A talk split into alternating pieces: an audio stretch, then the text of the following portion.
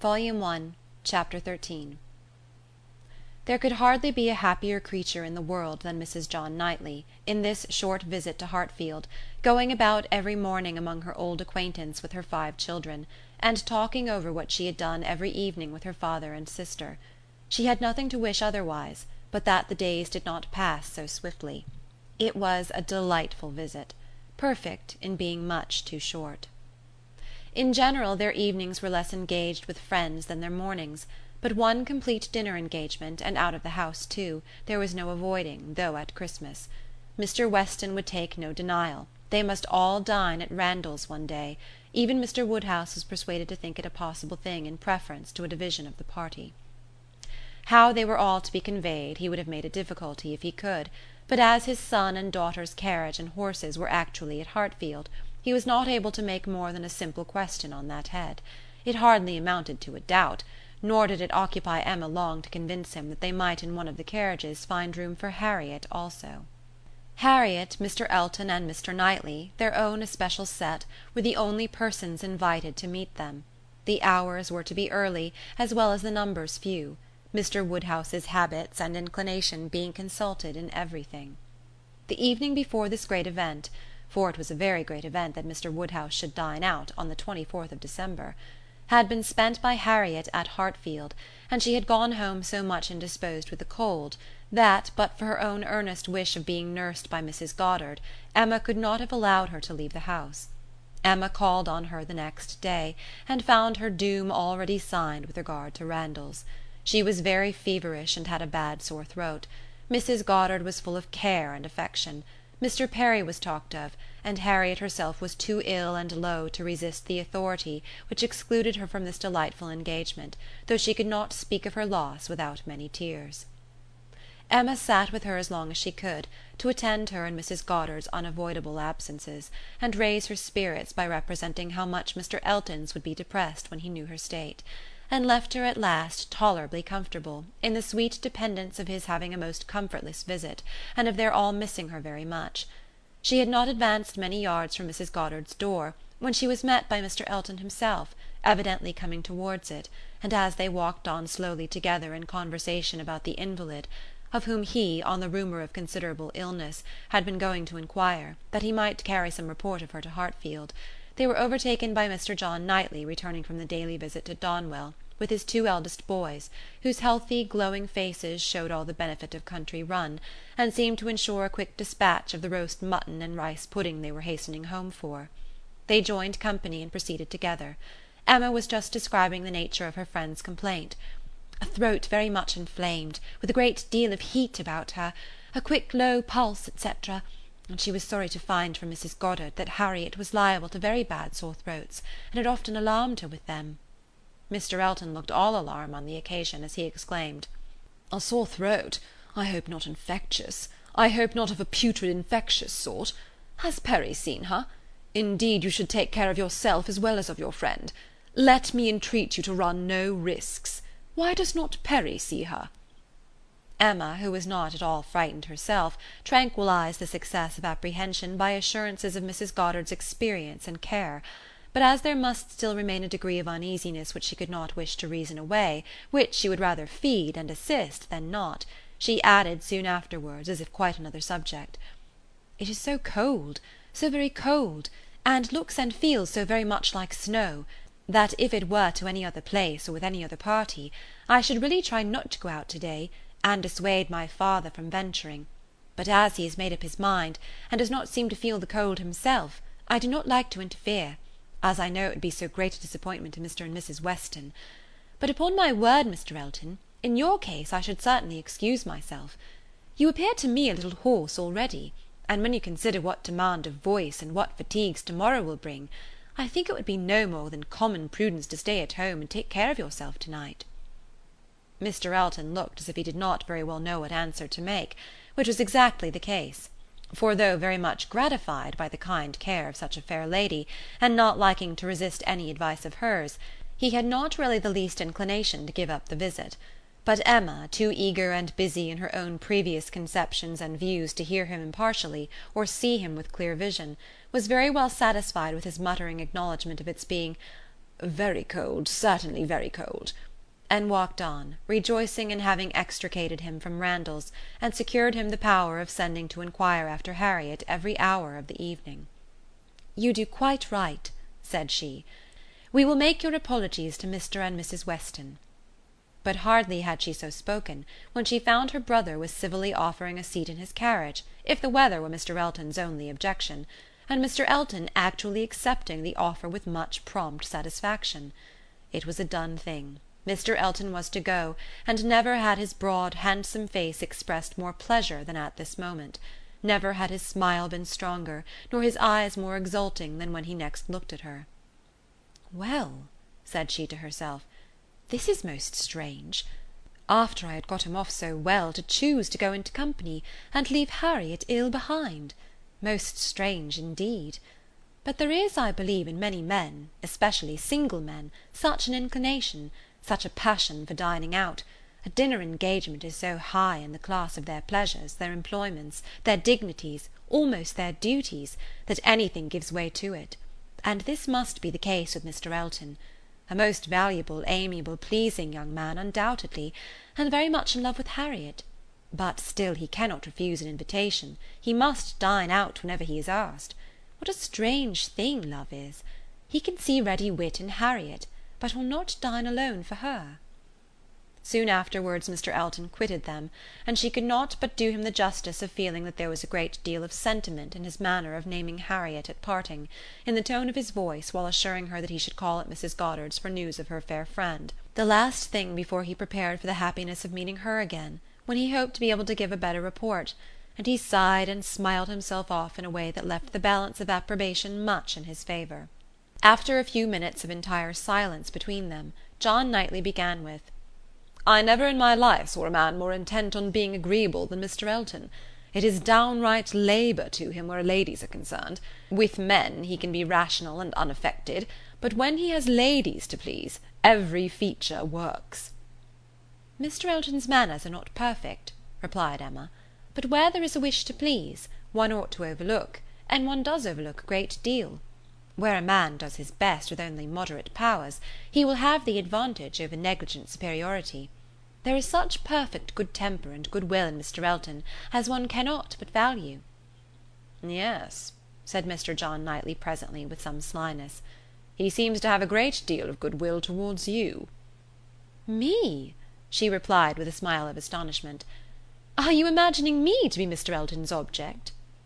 "Such an imagination has crossed me, I own, Emma and if it never occurred to you before, you may as well take it into consideration now."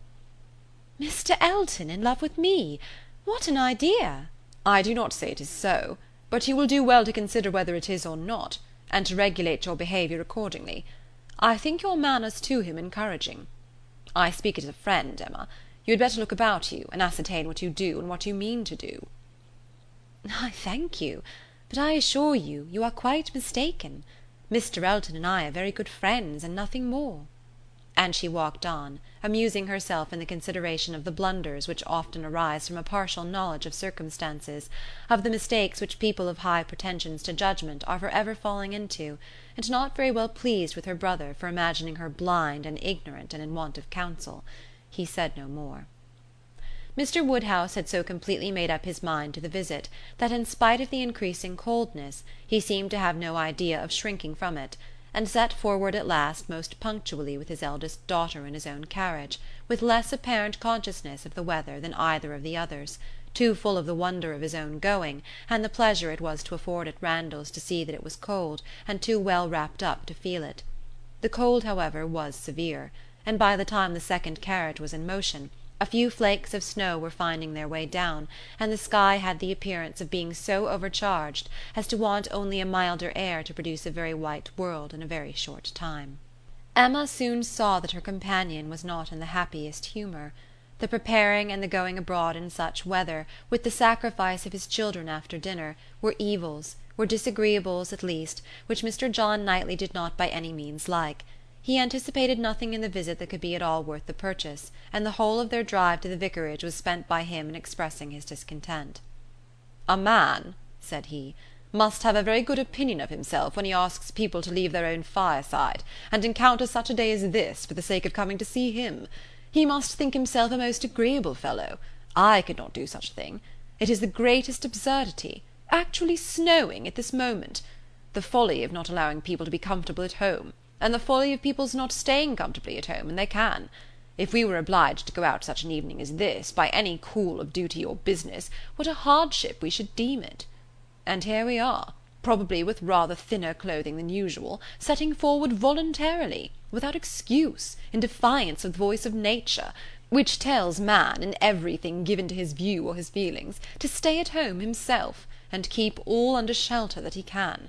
Here we are, setting forward to spend five dull hours in another man's house, with nothing to say or to hear that was not said and heard yesterday, and may not be said and heard again to morrow going in dismal weather to return probably in worse, four horses and four servants taken out for nothing but to convey five idle shivering creatures into colder rooms and worse company than they might have had at home." Emma did not find herself equal to give the pleased assent which no doubt he was in the habit of receiving, to emulate the "Very true, my love," which must have been usually administered by his travelling companion; but she had resolution enough to refrain from making any answer at all. She could not be complying, she dreaded being quarrelsome, her heroism reached only to silence. She allowed him to talk and arrange the glasses, and wrapped herself up without opening her lips. They arrived, the carriage turned, the step was let down, and Mr. Elton, spruce, black, and smiling, was with them instantly. Emma thought with pleasure of some change of subject. Mr. Elton was all obligation and cheerfulness. He was so very cheerful in his civilities indeed that she began to think he must have received a different account of Harriet from what had reached her. She had sent while dressing, and the answer had been much the same, not better. "My report from Mrs. Goddard's," said she presently, "was not so pleasant as I had hoped. Not better was my answer." His face lengthened immediately, and his voice was the voice of sentiment as he answered.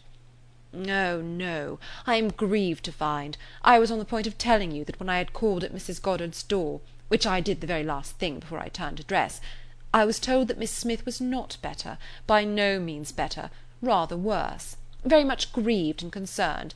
I had flattered myself that she must be better after such a cordial as I knew she had been given in the morning."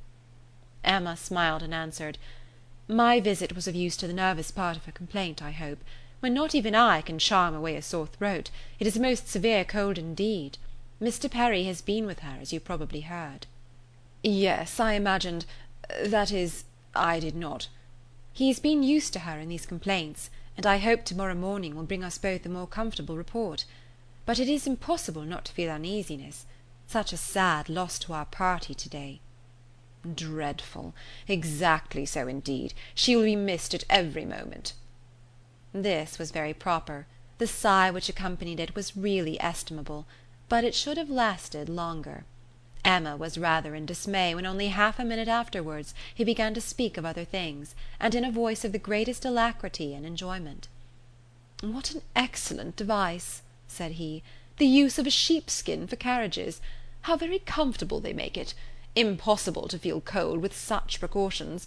The contrivances of modern days indeed have rendered a gentleman's carriage perfectly complete. One is so fenced and guarded from the weather that not a breath of air can find its way unpermitted.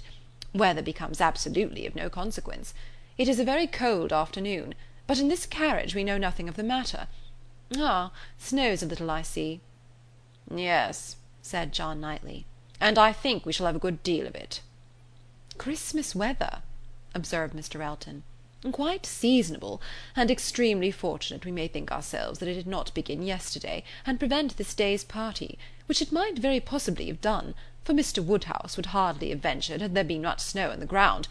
But now it is of no consequence. This is quite the season indeed for friendly meetings.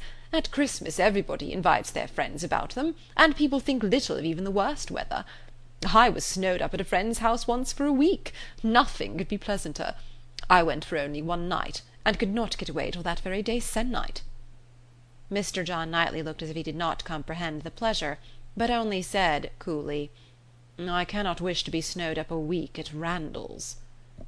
At another time Emma might have been amused, but she was too much astonished now at Mr. Elton's spirits for other feelings. Harriet seemed quite forgotten in the expectation of a pleasant party. "We are sure of excellent fires," continued he, "and everything in the greatest comfort. Charming people, Mr. and Mrs. Weston. Mrs. Weston, indeed, is much beyond praise, and he is exactly what one values, so hospitable, and so fond of society.